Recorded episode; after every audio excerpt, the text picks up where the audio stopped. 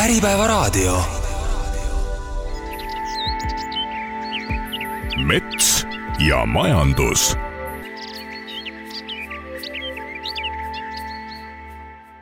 tere taas kõik head Äripäeva raadio kuulajad. alanud on saade Mets ja majandus, mina olen saatejuht Toomas Kelt ja tänases saates teeme kõigepealt juttu ühest Riigikohtu lahendist, mis puudutab metsateatisi ning rohevõrgustikke saate teises pooles aga lähme ajas natukene tagasi oktoobri keskpaika, kui toimus konverents Puidutööstuse äriplaan ning kuulame sealt ühte ettekannet, mille peab Swedbanki ehitusmaterjalide tootjate sektori juht Kristin Leeman tänase saate Mets ja majandus üheks teemaks on meil siin metsateatised ja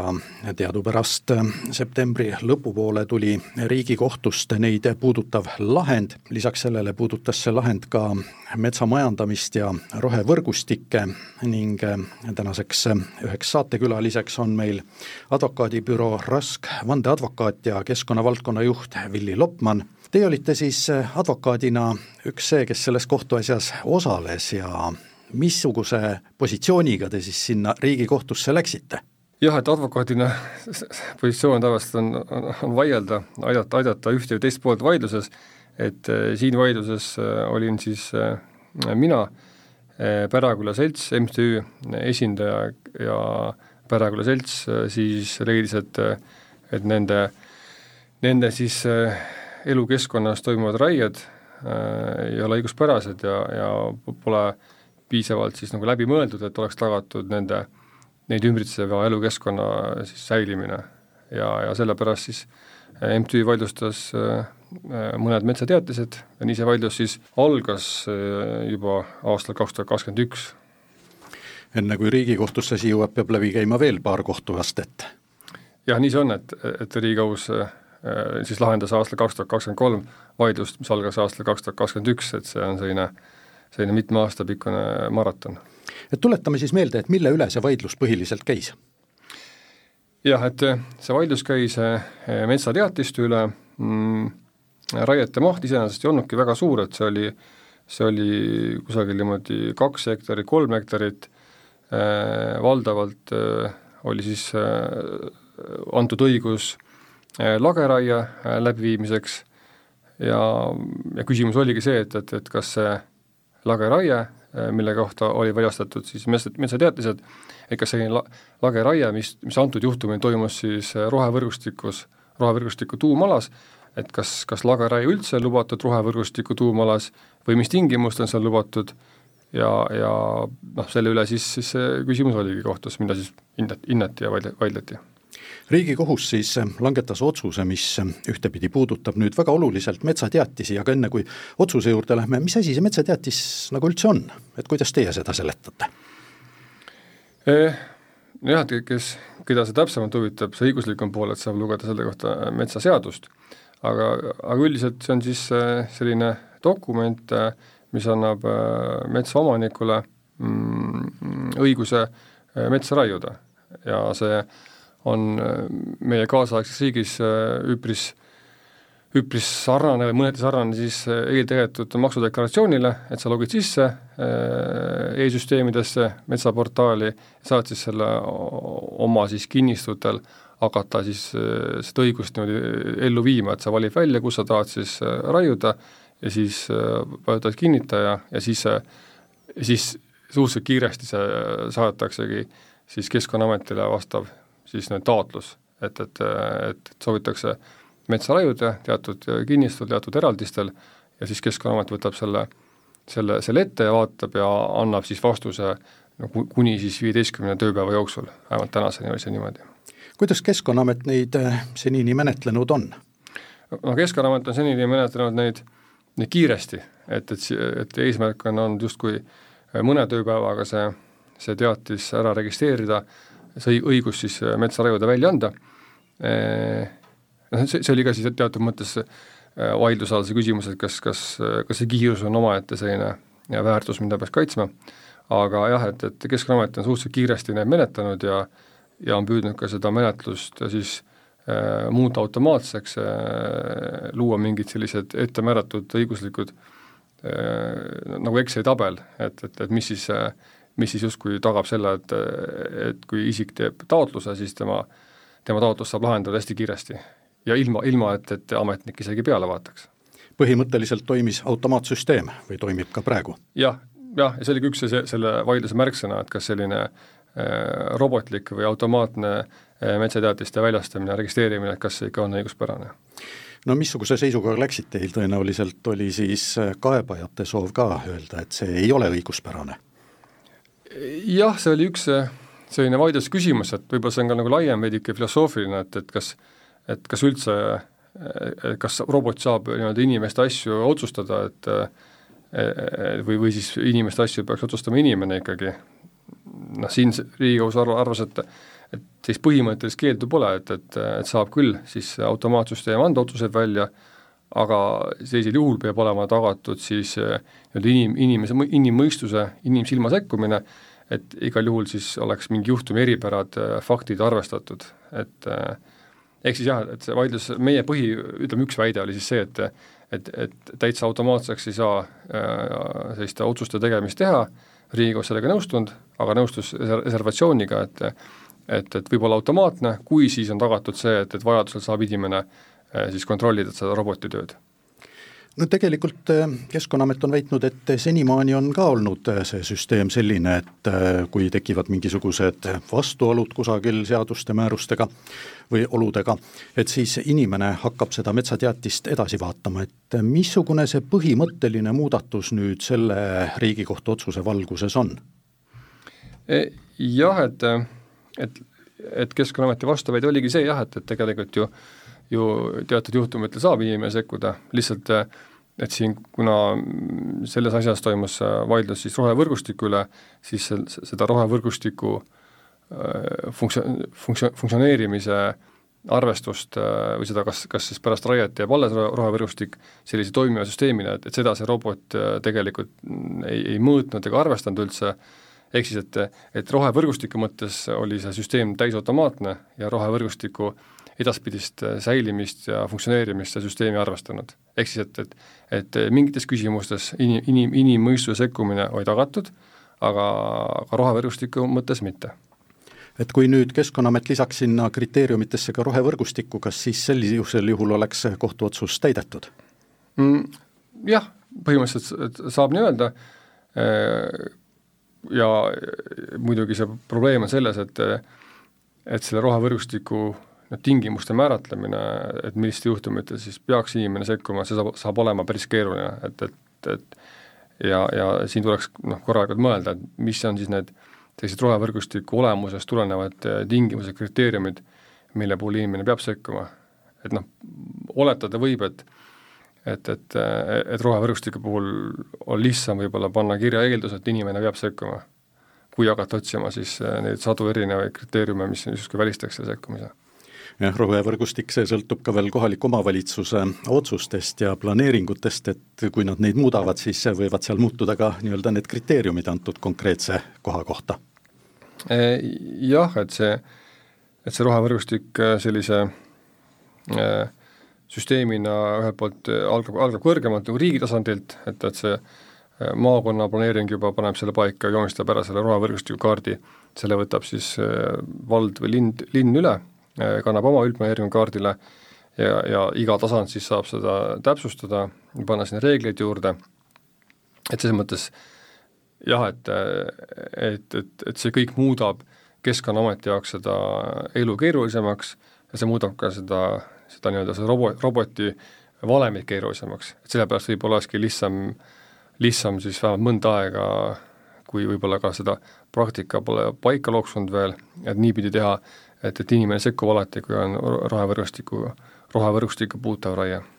kui sellest otsusest uudiseid kirjutati siin oktoobri alguses, septembri lõpus, siis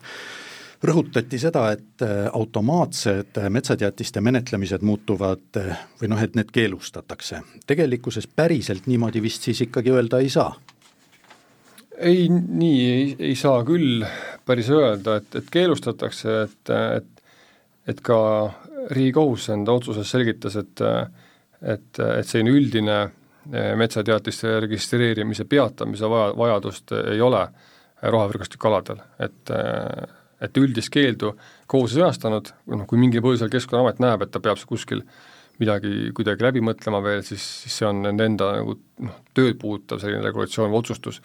aga, aga iseenesest see kohtulahend seda ette ei näinud. nii et sellist ma ei tea, kartust või ootust, et nüüd kõik metsateatised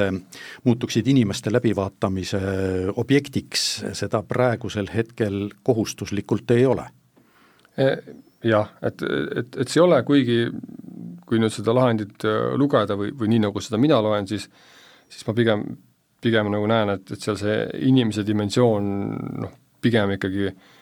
peaks olema, olema reeglina sees ja siis, siis mingid juhtumid võib-olla saaks välistada. aga välistada saaks siis, kui kui selle kas maakonna planeeringu või konkreetse valla või linna üldplaneeringu reeglid on, on nii täpsed, et neid on võimalik nii täpselt kir-, kirja panna, üle võtta sellesse eh, metsateatiste süsteemi, et ei olegi enam vaja midagi öelda. aga, aga, aga mõeldes siis eh, täna kehtivate maakonnaplaneeringute, üldplaneeringute peale, siis pigem on väga-väga erandlik juhtum et äh, see planeeringute detailsus ja kvaliteet on erinev mm,? Jah, no ega siin selles mõttes, et äh, võib-olla see kvaliteet äh, ütleme, seda, seda, seda, seda, seda kvaliteet võib-olla ei tohiks olla sellise etteheitena, vaid, vaid pigem me kõik areneme ja, ja, ja mõtleme, kuidas saaks midagi selgemat paremini, et, et eks nende üldplaneeringute puhul ühelt poolt on, on suur, suur selline lisandväärtus see, et, et nad, et need on abstraktsed, et justkui see, see elu muutused, elu areng ei ole lukku pandud nendesse reeglitesse. samas äh, liigne abstraktsus äh, maksab kätte jälle mingi, mingites olukordades, kus, kus jälle võiks olla need reeglid rohkem paigas. et noh, tänaseni pigem jah, võiks öelda, et see üldplaneeringute rohevõrgustiku tingimused on üldised, isegi ei pruugi olla määratletud seda, et, et mis on rohevõrgustiku äh, mõte,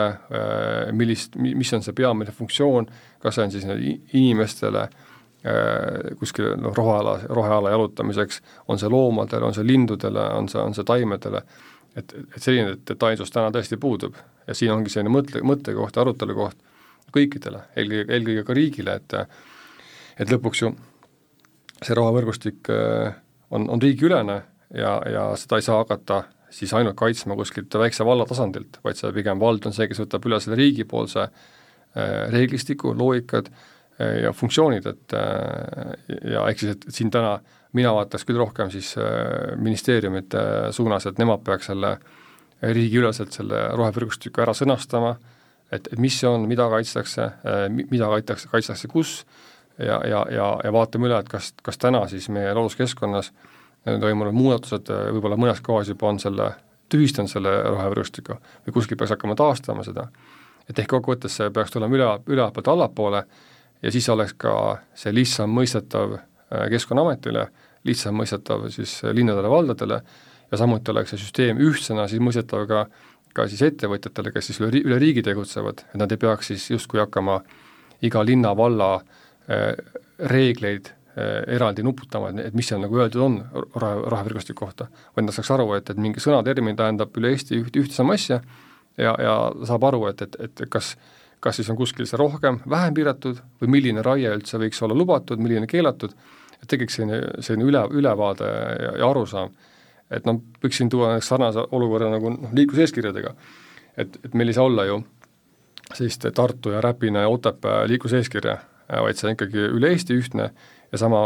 võiks olla ka rohevõrgustikuga, et see, et see arusaam, et et mida me kuskil kaitseme, mis on mingi kaitstavad funktsioonid ja, ja, ja ja kus võib-olla enam polegi midagi kaitsta ja kuskil peaks hakkama äkki alustama, et, et oleks ka olemas see looduskeskkond, mida kaitstakse. ehk kokkuvõttes, et selle sõnastamine peaks tulema ikkagi ülevalt poolt. metsateatiste menetlemine on praegusel ajal enamasti olnud väga kiire, üks Riigikohtu järeldus oli ka see, et see ei tohiks olla tegelikult eesmärk ja,. jah, et, et seal äh, asja arutamise käigus seal, seal oli juttu, et, et kas kaks tööpäeva peaks olema alati selline kiirus, mis peaks olema tagatud, et seal kohus arvas ka, et see ei pea olema nii kiire ikkagi. et, et, et ühelt poolt jällegi ega siin ei saa ka, ka ette heita ettevõtjale seda, et, et, et kui tekib võimalus, on, on, on siis töötajad, vahendid saadaval, et siis see et siis kiiresti ka oleks ta võime, võime, võimeline reageerima sellele tekkinud olud, olud, olud, oludele, aga, aga, aga jällegi, no kuna siin on ka teised väärtused mängus, et siis et siis, siis kas see on kaks päeva või, või kümme päeva, et siin või viisteist tööpäeva, et siin tegelikult nagu noh, õiguslikult peakski kaaluma, mõtlema, aga, aga kokkuvõttes, et, et, et see kaks tööpäeva päris ei ole see kiirus, mida peaks siis nagu võtma eesmärgiks see ei ole päris esimene kord, kui Riigikohus arutab äh, metsandusega seotud äh, teemasid, äh, metsateatisi ja muud taolist. et tegelikkuses varasemast on olemas ka üks selline otsus, et metsateatise puhul on tegemist haldusaktiga ja seda ei peaks nii lihtsalt saama menetleda. jah, et ega pigem, pigem saaks öelda küll niipidi, et neid, neid metsateatise vaidlusi on, on pigem, pigem väga palju olnud aastate jooksul. E, ja, ja ega need küsimused ka, mis siin nüüd selles Päraküla Riigikohtu otsuses ära lahendati, et ega need olid ka asjad, mis, küsimused, mis on pikalt ja polnud õhus, et et jah, et, et metsateatis on haldusakt, see regu-, reguleerib mingit, mingit üksikut sellist juhtumit, olukorda, annab, annab õiguse siis teatud alal siis raiet teha ja, ja see peab ka olema siis õige, ehk siis tuginema õigetele reaalselt olemasolevatele faktidele ja, ja peab olema siis selles mõttes kaalutud, et, et ta ei tohiks siis tekitada äh, liigset kahju keskkonnale, et see kõik eeldab tege-, eeldabki äh, teatud määral uurimist, kaalumist, hindamist. aga senine praktika pigem siis äh, oli, oli, oli, oli, oli teise äärmuses, et, et pigem selline kaalumine, uurimine, mõtlemine justkui oleks liiast sellepärast et siis ei saa teha ära kahe päevaga seda, registreerida metsateatist. et, et nüüd võiks küll öelda, et, et, et, et justkui see on nüüd uuesti üle rõhutatud äh, kohtu poolt, et, et, et see metsateatis ikka on haldusakt, see peab olema õige, õiguspärane, ehk siis vastama nagu tegelikule, tegelikule olukorrale ehk siis äh, nüüd on üle rõhutatud ja täpsustatud, et kuidas see menetlemine peaks toimuma ja et äh, see peab olema siis nagu rohkem seaduslik jah, et rohkem seaduslik, ehk siis peaks olema need, see, see ro-, rohkem toodud öö, otsustaja nagu, otsustaja pähe see faktiline tegelik olukord. et, et, et jah, et, et täna võiks küll öelda, et, et, et et ei saa enam eirata neid kohtulahendeid, et, et peab, peab veidikene ikka arvestama neid ka fakte, mis on seal kohapeal aga kuidas teile tundub, kas nüüd on need vaidlused metsateatiste üle ära vaieldud või on neid võimalik veel ega üldjoontes võib niipidi öelda, et kus, kus, kus põrkuvad sellised vastandlikud suured huvid, et, et seal ei, ei lõpe kunagi ära vaidlused. aga, aga kuna rohevõrgustik ise on päris keeruline mõiste, eh, selle kohta on kirjutatud juhendeid, eh, tehtud erinevaid analüüse, ehk, ehk kokkuvõttes, et, et siin täna ei saa öelda seda, et oleks, oleks kõik need mõisted kuskil justkui nagu lõpuni ära klaaritud, et siin keegi ei saaks vaielda ega arvata, et siin äh, siin poleks äh, mingit probleemi, et alati pea öelda, et see rohevõrgustik äh, näiteks, mis peaks tagama siis äh, suuremate imetajate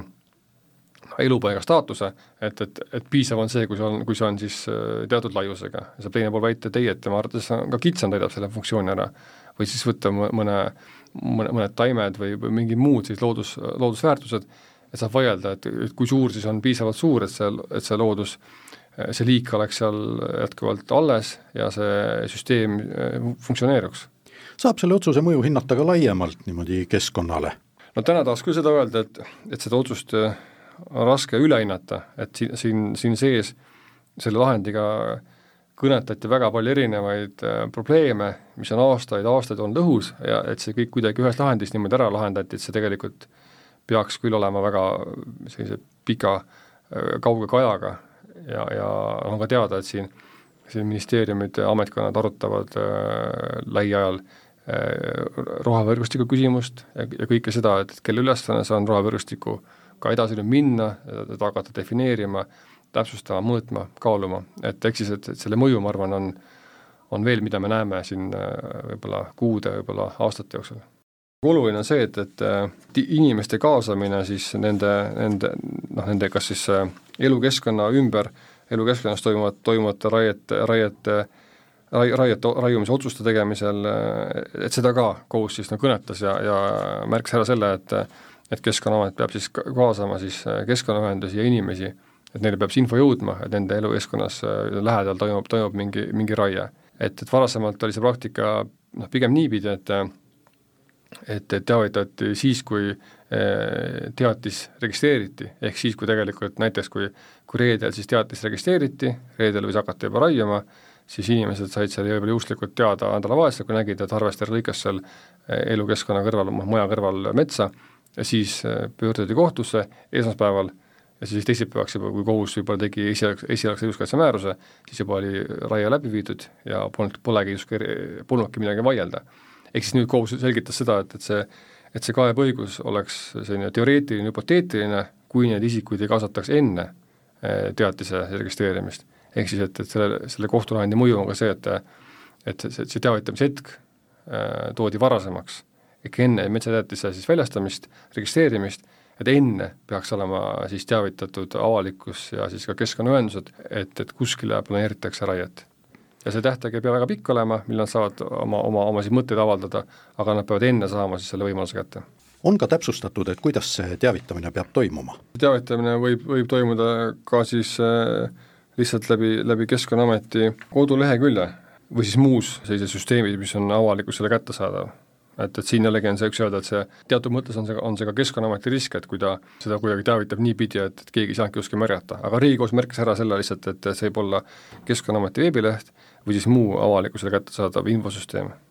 et ühesõnaga, selle üle peavad nüüd hakkama näiteks Keskkonnaameti ametnikud mõtlema, et kuidas seda täpselt teha? no oluline see, et, et see, et see oleks tõhusalt tagatud, see noh, teavitus ja kaebeõiguse, kaebeõigus aga seda ei ole, et peaks nagu aktiivselt hakkama teavitama kõiki asjast huvitatud isikuid, noh sellisel juhul mul tekiks ka muidugi küsimus, et kuidas kõiki neid välja selgitada. see on olnud ka üks selline vaidlusalune küsimus, et, et, et kui laialt ja kuidas peaks teavitama, et et noh, eks, eks see ootab võib-olla ka siis järgnevaid vaidlusi, aga, aga jällegi, et äh, siin Keskkonnaamet ise peaks ka mõtlema selle peale, et kuidas see, kuidas see teavitus, teavitus oleks optimaalne, et ühelt poolt et oleks, oleks jällegi ta teavitajate reaalne võimalus info kätte saada sest muidu võtab, võtab Keskkonnaamet taas ise riski, et, et, et nende teavitus on ainult selline hüpoteetiline, teoreetiline, aga teiselt poolt ei tohiks see olla ka üle, ülemäära koormav, et, et see lõpuks või noh, võib tõmmata see ringi ka laiemaks, et kas, kas siis need inimesed on ainult siis ühe, ühe, ühe küla või, või siis või Lõuna-Eesti, Põhja-Eesti, terve Eesti, saared, Põhja-Euroopa, terve Euroopa, et noh, siin võib ka minna äärmusse. Selle lahendi selline kõige suurem mõte on, on, on, on see, et,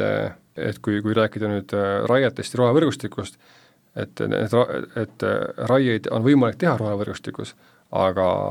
aga peab olema tagatud see, et see rohevõrgustiku kui süsteemi funktsioneerimine jääb alles. ja, ja aga see eeldab seda, et et Keskkonnaamet ja riik teab ja ka vald teab, et või linn, et, et mis asi, mis asi on rohevõrgustik. ehk siis võib-olla võiks öelda, see lahendi suurem mõte on see, et, et et, et äh, riik, omavalitsused peavad teadma seda, et mis on rohevõrgustik, mida nad seal kaitsevad äh, ja, ja millal see lõpetab siis funktsioneerimise. et pigem äh,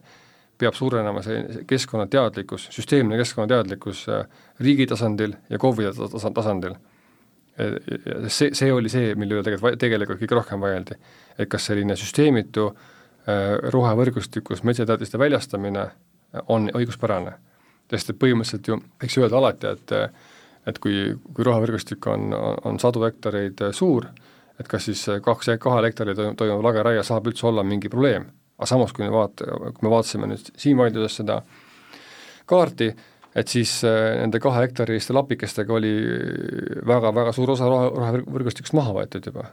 ja, ja keegi Äh, sealhulgas Keskkonnaamet, ei olnud tegelenud selle küsimusega, et kas see, kas rohevõrgustik on täna ainult paberi peal alles või ka tegelikult alles. või üldse, mida see rohevõrgustik seda tähendab ja kaitseb. et see küsimus tegelikult oli see peamine mõte, kõik muu ei omagi nii palju selle suure mõttega tähendust või omab siis noh, sellega seoses tähendust, aga, aga suur mõte on see, et, et et me saame seda keskkonda kaitsta siis paremini, kui me, kui me oleme seda ka uurinud, aru saanud, mis on, defini-, defineerinud ära need väärtused, mida me kuskil kaitseme ja siis on kõigil selgem see, sest ega see, selle, selle lahendi probleem ei olnud mingi selline suur konflikt, kus ei ole sellist nagu lepitust, vaid, vaid see konflikt oli sellega, et, et et kas saab olla sellist süsteemi, süsteemitut äh, raiet rohevõrgustikus, kus justkui ühelt poolt me ütleme, et see on rohevõrgustik, me kaitseme seda, teiselt poolt ütleme, et ütleme, et lageraie on, on lubatud piiramatult rohevõrgustikus, et seal tekkis selline paradoks. et kuidas me nimetame siis äh, mingit ala rohevõrgustikuks, kui seal enam, enam pole üldse enam alles siis kõr-, kõrghaljastust. et noh, sellise, sellise paradoks oli selle vaidluse all ja Riigikohus ütles, et jah, et et, et, et rohevõrgustik enam ei eksisteeri, kui see on lõpuni maha võetud, ei saa väita seda, et, et, et justkui see poleks probleem siis. et, et kui paberi peal on alles see rohevõrgustik. ehk siis süsteemne äh, sõnastamine, süsteemne looduse uurimine ja siis nende reeglite määratlemine oli see, mis, millele siin üle, üle vaieldi. saade Mets ja majandus jätkub Lähme nüüd ajas tagasi oktoobri keskpaika konverentsile Puidutööstus äriplaan kaks tuhat kakskümmend neli. nagu teada, pole metsanduses ja puidutööstuses praegu just kerged ajad. aga kuna võiks langus taas kasvule pöörata, sel teemal kõneles konverentsil Swedbanki ehitusmaterjalide tootjate sektori juht Kristin Leeman. tegelikult me oleme ju kõik ühes ühtses majanduskeskkonnas äh, erinevatel sektoritel on erinevad väljakutsed, aga tegelikult need äh, väljakutsed äh, sageli on ka natuke sarnased võib-olla, kui sinna süvitsi sisse vaadata, siis küsimus on lihtsalt, millal selle nii-öelda mingi teguri mõju teieni jõuab, millal see on see aeg. ja kui me nüüd äh, räägime ehitusmaterjalidest, siis neid väga otseselt mõjutab ehitusturg ja ehitusturul ma siin keskendun, võib-olla alustangi sellest, et kõigepealt siis nagu meie kohalik, äh, meie oma Eesti. et jah, Äh, nüüd eelmise aasta teisest kvartalist alates on meil ehitusmahud langenud. Äh, noh, need mahud jätkuvad langust, et prognoos on, et nüüd käesoleva aasta lõpuks on langus miinus kaksteist protsenti eelmise aastaga võrreldes, aga noh, tuleb arvestada, et äh, siis ka eelmine aasta on juba selleks ajaks langenud, detsembriks oli juba langenud mis sellest kõik alguse sai? Äh, kõik sai alguse kaks tuhat kakskümmend üks, kui tekkisid tarneahelate tõrked, sisendhinnad läksid üles, äh, ilmselgelt kõik teavad loomulikult ka Ukraina sõda, et kuna ehituses on väga suures hulgas kasutuses renditööjõudu, siis lihtsalt äh, ukrainlased läksid oma kodumaad kaitsma, seetõttu vähenes ehitusettevõtetes tööjõud. see kõik kombinatsioonina viis ehitushinnad ülesse Äh, nüüd eelmise aasta äh, keskpaigaks, kaks tuhat kakskümmend kaks teine kvartal, tundus nagu äh, tarneahelad on stabiliseerunud, isegi sisendhinnad stabiliseerusid, oli näha veidikest langust mingites tootegruppides, aga see ei andnud meile erilist pikka nagu hingetõmbepausi, sellepärast et kohe hakkas räige inflatsioon ja intressimäärad hakkasid tõusma, millega me siis tänaseni siin tegutseme, mis on üks niisugune nagu põhiline osa, mis on meid kõiki natukene raskustesse pannud. Äh, ja miks ma räägin ka siis Soomest ja Rootsist, kuna see on ühed meie põhilisemad eksportturud, et nagu me teame, siis Skandinaavias on äh, olukord isegi kehvem kui meil, äh, leebelt öeldes. et kui üks niisugune number välja tuua, siis tegelikult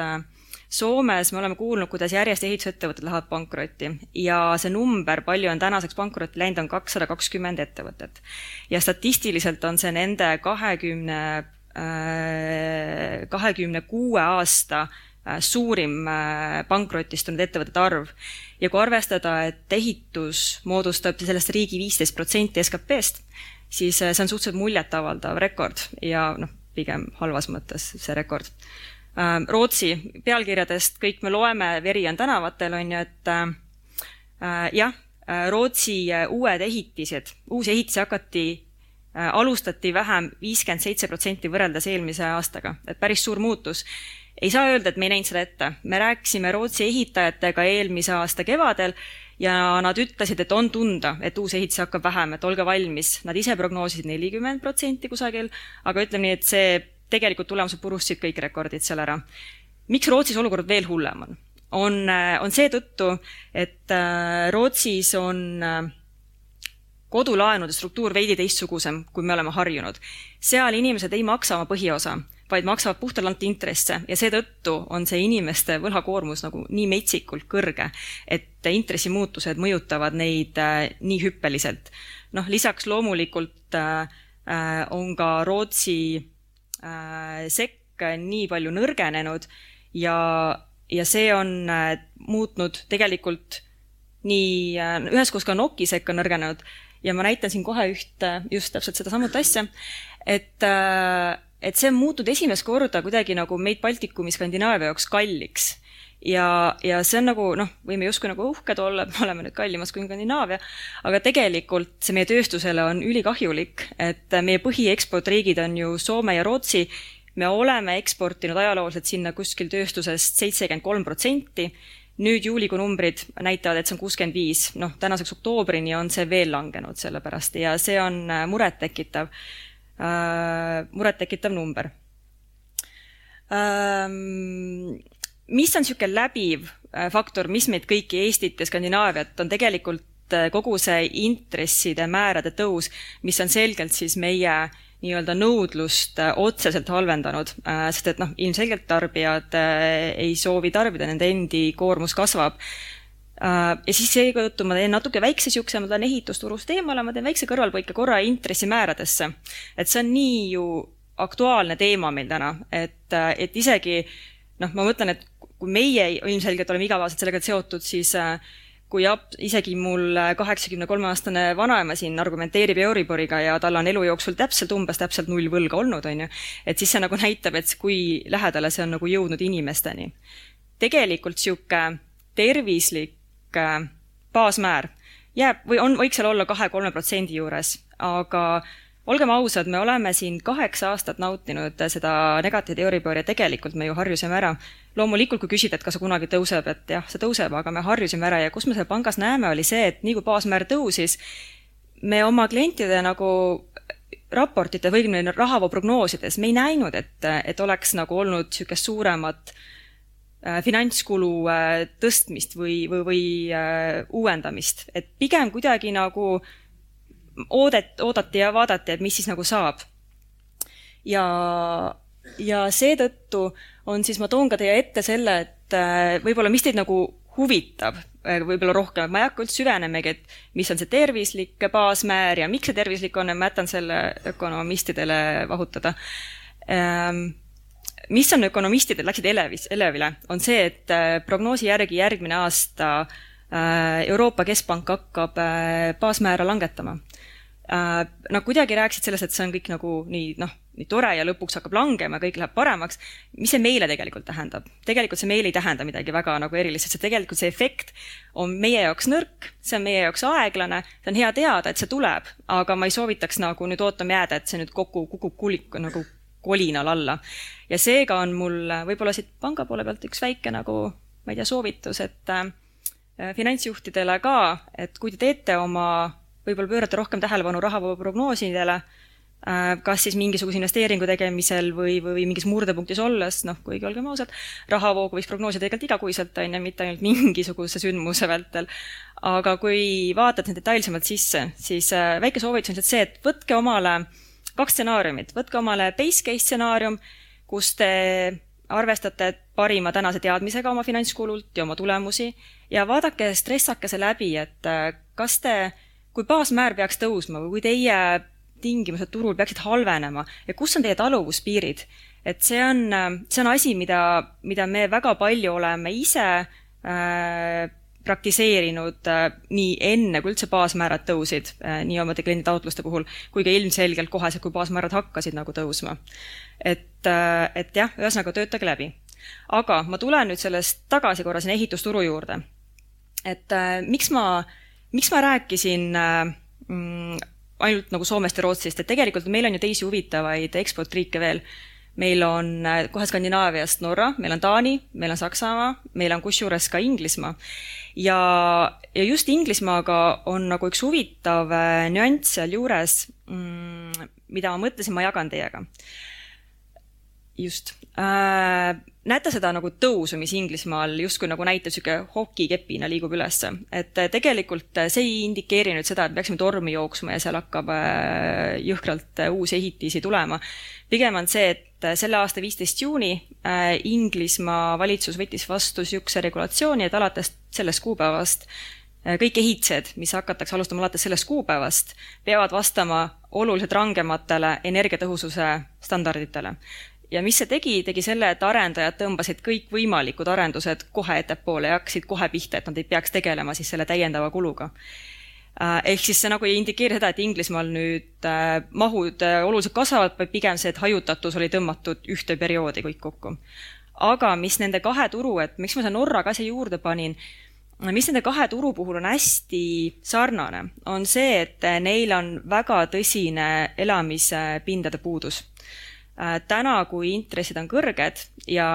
ja samal ajal, kui ehitushinnad on samuti kõrged, on ilmselgelt väike niisugune seisak aga kui need mingi hetkel ja kindlasti mingi hetkel hakkavad leebuma, siis tegelikult on see võib-olla üks potentsiaalikas turg, kuhu võib-olla oma tähelepanu pöörata. ehitusmaterjalide poole pealt ma tean, et me küsisime kevadel päris palju, et kas te vaatate uusi turge lisaks Skandinaaviale ja sealt joonistus Inglismaa välja ja mis esialgu oli mulle nagu noh, kummaline, et see tundus nagu meie jaoks nagu nii nagu kauge turg, et kas me tunneme ja kuidas me tunneme seda turgu aga nüüd äh, noh, see selgitab nii mõndagi, et ütleme nii, et niisugune info on tegelikult äh, ettevõtjatel äh, noh, kes on tublid ja kes suudavad uurida, on varasemalt juba endal äh, käes. aga ma nüüd tulen ühe mõtte juurde korra. ma arvan, see mõte teie jaoks ei ole otseselt äh, midagi uut äh,. selles mõttes, et me oleme, seda, räägivad kõik, et ilmselgelt äh, Eesti majanduse rikkuse tagab eksport, ehk siis raha tuleb väljastpoolt Eestisse sisse. Ähm, meie tööstuse konkurentsivõime peab äh, olema nii-öelda, peab, peab olema võimeline, me peame olema konku-, konkurentsivõimelised ka rasketel aegadel ja, ja sellistel momentidel ma tegelikult, ma arvan, et on oluline ka nagu noh, välja öelda, et ma ei tea, kui palju see nüüd praegu otseselt muudab midagi, aga ma arvan, et on oluline välja öelda kõigil, kes vähegi võimalik, et tegelikult ka riik peaks äh, siin meie aitama meie tööstuse arengu toetamisel kaasa. et ma arvan, üks hea näide, kus äh, meie konkurentsivõime sai tegelikult päris räigelt pihta, oli siis, kui energiahinnad hakkasid ülespoole kerima ja me nägime, kuidas äh, päris mitmed Euroopa riigid toetasid oma ettevõtlust, eh, vähemalt neid ettevõtteid, kellel oli väga suur energiatarbimine. ja seda oli tegelikult ju turul tunda. Eh, me, me ühesõnaga, me saime pihta sellega, meie ettevõtjad said pihta sellega. teine nüanss, ma arvan, et mis puudutab natuke rohepööret, on see, et mm, kaitsealade laiendamine. Mm, ma olen ise väga poolt Äh, rohelisse liikumisse ja ma arvan, peame seda nagu targalt tegema, sellepärast et see on edasiviiv jõud. aga samuti äh, lihtsalt kaitsealade laiendamine, noh täna ta on seal kolmekümne ühe protsendi juures, ma arvan, see äh, lihtsalt halvab nagu ühte olulist sektorit, mis täna nagu meil siin tööstus, puidusektor on. Ähm, ma usun, et meil on võimalik tegelikult üheskoos leida ka mingisugune lahendus ja koos töötada selle nimel, et tagada nii see liigirikkus kui ka majandada metsa äh, targalt ja vastutustundlikult, et ma toon võib-olla ühe hea näite siia kõrvale lisaks, et äh, olles nüüd see ehitusmaterjalide tootjate sektoris igapäevaselt sees, mul on niisugune soft spot, niisugune äh, natuke betoonil ja tsemendil, et sellepärast ma mõtlesin, kas on võib-olla hea siin lavale tulla nagu, et meil on niisugune igikestev vastasleer, on tsement ja puit. jah, ilmselgelt tsemendi tootmisel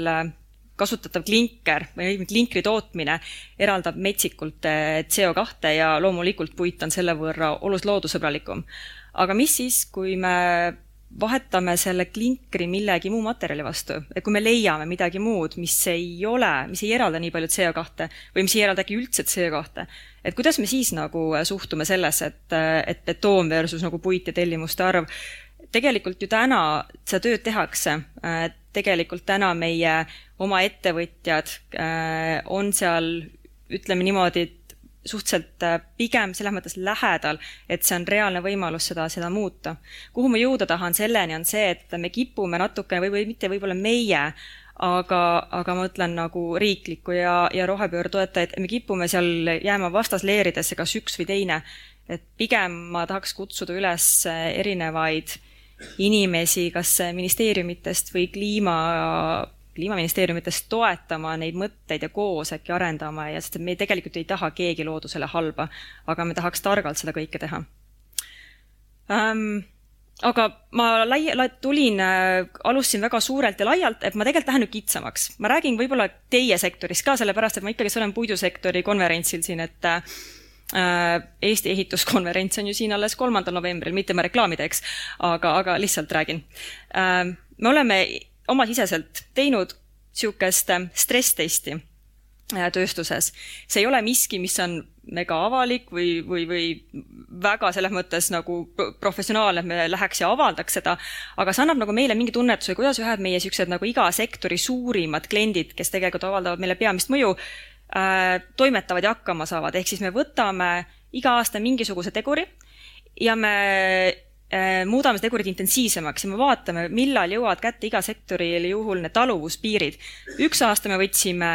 palgad ehk siis tööjõukulud, mis oli hästi läbi teema, siis me võtsime gaasi kättesaadavus ja energiahinnad ja see aasta me jõudsime, mõtlesime, mida me teeme ja me lähenesime niimoodi, et me võtsime äh, võlakoormuse ehk siis debt-debita. me vaatasime, kuidas Euribori muutus äh, võib mõjutada ettevõtte ebitat ja lõpuks me vaatasime täiendavat käibekapitali, mida on vaja, oletame teoreetiliselt stsenaariumis, kus tarnijad äh, tõmbavad oma maksetähtaegsid nagu poole võrra väiksemaks, olgem ausad, kui majanduses hakkab niisugune likviidsus äh, otsa saama, siis see saab kõikidel, ka tarnijatel, et nad otsivad ka võimalust, kus varem raha kätte saada. ja ütleme nii, et kui me nüüd vaatame neid niisuguseid keskmisi bilansi nagu numbreid, siis siit joonistub tegelikult hästi välja, et tegelikult äh, teie sektor on äh, äh suhteliselt nagu tugev võib juba teha eos niisuguseid eeldusi, et ilmselgelt need taluvuspiirid on teistega võrreldes kaugemal, mis on positiivne. aga samas tuli ka üks kitsaskoht välja, kuhu ma jõuan. me vaatasime perioodi, mõtlesime, kumba perioodi valime, kas eelmine aasta või viimase kolme aasta keskmine, sest eelmine aasta oli natuke erakorralist sündmustäis erinevate sektorite lõikes ja mõtlesime, et me ühtlustame, aga noh, ma jätsin igaks juhuks ka eelmise aasta pildi siia juurde ja kui me vaatame nüüd siis seda, et kui EBITDA peaks langema nelikümmend protsenti, mis on tegelikult päris suur äh, langus, siis äh, see punane joon siin äh, indikeerib debt-debi taset neli. noh, me oleme pangas, vaatame, et niisugune alla nelja on niisugune hea, üle nelja võib-olla enam mitte päris nii hea, et see on niisugune nagu niisugune keskmine piir. Ja tegelikult te puidutööde sektoris olete sellega vähemalt läbi stressates päris okeil tasemel.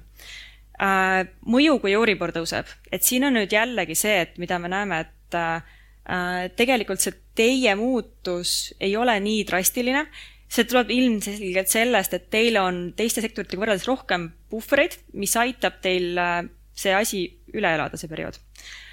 Aga nüüd äh, käibekapitalid ähm, see on küll loomulikult, ütleme igasuguse stress-testi eesmärk ei ole nagu olla nüüd, nüüd hullult reaalne pilt, vaid pigem on see, et me vaatame, mis on kõige hullem stsenaarium, et me teame, milleks valmis olla. Äh, kui me nüüd vähendame neid äh, tarnijate äh, maksetähtajaks poole võrra, siis sisuliselt te peate ise oma taskust leidma kaks koma neli miljonit eurot, et ise see kinni maksta, see vahe kas see on teil äh, olemas, äh, seda saate te nüüd ise hinnata, aga niisuguses äh, nominaalsummas on see päris arvestatav summa, aga samas teil on mahud ka üsna suured. ja sealt tegelikult tuligi siis nagu need peamised nüansid välja, et tegelikult teil puhvrid on, mis ütleme nii, et aitab niisuguse tõsise languse üle elada ka nagu nii-öelda, kas ma ütlen, see on nüüd siis nagu nii-öelda meie panga vaade, et me tunnetame, et, et mis juhtub, kui te langete, ilmselgelt ükski langus ettevõtjale endale ju ei meeldi, aga see pigem on see meie kindlustunne. ja siis äh, loomulikult äh, see sõltuvus äh, käibe tarnijate maksetähtaegadest. Ähm, mis on siis ehitusmaterjalide justkui ja puidu tulevik? On prognoos, et Eesti ja Soome võiks, see langus võiks stabiliseeruda järgmine aasta. ei ole oodatud ilmselgelt, et see nüüd läheb üles, vaid pigem toimub kerge stagnatsioon arvatavasti, aga stabiliseerub ähm, ja, ja see, ma arvan, et on see, et äh, ei tasu võib-olla panustada ainult ühele turule, et äh, vaadake kaugemale, kui vähegi võimalik. otsige mingisuguseid teistsuguseid riike, et täpselt nagu ehitusmaterjalid ma rääkisin, et äh, asusid aktiivselt palkama agente, et siseneda Inglismaa turule siis äh, meil on ka erinevaid toetusi EAS-ilt, et äh, mis aitab uutele turule siseneda, kui see on vähegi võimalik teile. teine on see, et jah, et Skandinaavias on olukord kehv, kui viisakalt niimoodi öelda, aga tegelikult Skandinaavias raha on. pigem on see, et nad, neile meeldib see raha koguda ja kui juhtub mingisugune halb stsenaarium, siis nad lihtsalt peatavad oma ostud, oma tellimused, nõudlus väheneb, nagu te ilmselt olete näinud. et nagu juhtus kevadel, et just selle nagu Noki äh, kursi halvenemisega äh, päris paljud äh, noh, elementmajade tootjad pidid tõdema, et lihtsalt norrakad lükkasid oma tellimused edasi nagu sügisesse, lootes, et aga kui nüüd nokk äkki stabiliseerub, neil on mingisuguseid tunnetusi, et siis nad jätkavad tellimusi. et tegelikult nagu nõudlus turul on. Äh,, ehitusmaterjalid räägivad ka, et pakkumisi küsitakse väga palju, kui ainult hinnata pakkumiste pealt, tundub, et ei ole tegelikult langus nii suur. Aga ükski pakkumus, pakkumine või noh, pakkumuse küsimine ei lähe otseselt, noh, nad ei lähe töösse nii palju, aga lihtsalt küsitakse metsikult palju. Ähm,. renoveerimisturg, räägitakse jah, et ma ütlen, et äh, renoveerimine on niisugune, mis peaks toetama siis seda meie üleüldist äh, ehitusturu langust aga ma püsiksin siinkohal nagu mõõdukalt kriitiline, jah, renoveerimisturgu ajendab tagant nüüd täna siis energiatõhususe äh, uued standardid. Äh, Skandinaavias, Soomes, Rootsis on oodata tõesti suurt mahtu. Äh, ma ei oska korra kommenteerida, kus täpsemalt võib-olla see maht seal pesitseb, aga mida ma Eesti juures mainin, on see, et meil enamus renoveerimisturgu ju tegelikult annaks ähm, korteriühistud. Aga miks ma siin püsiksingi mõõdukas kriitiline, on see, et tegelikult, mis on täna korteriühistute tavaline niisugune finantseerimisstruktuur, kuuskümmend protsenti pank, nelikümmend protsenti KredEx. kuuskümmend, nelikümmend, sada protsenti, ehk siis tegelikult seal neil omal ju niisugust väga omakapitali ei ole, no korteriühistul ei ole sellist summat, et ise väga panustada. Äh,, olgu, aga see on tehtav. ja siis me läheks KredExi juurde, aga KredExi toetuse taotluse protsess äh,, kes võib-olla korteriühistute esimees on, või kes on kokku puutunud, see on tegelikult, korteriühistult käib nagu, see on metsikult keeruline, nad takerduvad sinna sisse. Nad ületavad tähtaega, siis nad ei saa kätte ja ühesõnaga nad jäävadki sinna, ehk siis tegelikult ma natuke nagu vaatan kurvalt, et sul on potentsiaalne maht turul olemas ja see tegelikult kõik jääb äh, sinna puhta protsessi taha kinni, sul on isegi toetused olemas, isegi pank on ju nõus raha andma, aga see lihtsalt käib selle kogu selle protsessi taha kinni. ja samuti, mis keerulisel perioodil on, et ehituse kui ma toon jälle näite ehitusmaterjalidest, siis niisugune paar aastat tagasi neile lihtsalt projektid ju jooksid sisse, et müügijuht siis istus ja ainult registreeris oma, oma müüke. Nüüd on vaja sisuliselt müügijuhid tööle panna äh,. Nad on, peavad oma nüüd äh, palga välja teenima, keerulisel ajal on vaja hakata ise nii-öelda siis seda tarbimist tagant utsitama, et, et, et kuidagi midagi nagu ära teha äh, mida ma arvan, mida ma siit kokkuvõtteks tahan öelda, on, on see, et äh, kui ma jõuan selle pealkirja juurde, et kas puitmaterjali järgi noh, nõudlus jääb nõrgaks või ei jää. Kui ma ütleks, et jah, et puitmaterjalide järgi on tulevik, on äh, tume, äh, nõudlus on küll nõrk, aga mis siis, et ta nagu, ta langeb veel rohkem ja ma ei tea, sektor on täitsa ohus ja ma arvan, isegi mul see vanaema, kes targutab selle Euribori teemal, ei usuks seda juttu nagu. puit, puidusektor on üks tugevamaid sektoreid täna Eestis. Äh, ta on tulnud välja igast, äh, igast kriisist minevikus tugevalt ja tegelikult noh, ta tuleb ka täna. ma usun, et iga ettevõtte jaoks ei ole üllatus, et kui majandust äh, tagab mingi kriis, et see on tegelikult ju, see on noh, normaalne majanduskäik ja noh, kõik, mis läheb üles, tuleb alla ja vastupidi, on ju, et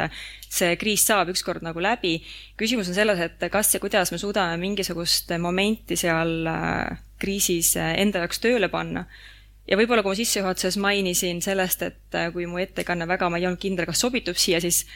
olge nagu, olge nagu paindlikud ja mõelge kastist välja või nagu, nagu Toomas Kelt, õpime temast, et kui miski ei sobitu, siis vaata, mida me saame muuta ja paneme selle sobima. üks, äh, üks võib-olla lõpukommentaar, mida mulle meeldib alati välja tuua klientidele või ettevõtetele,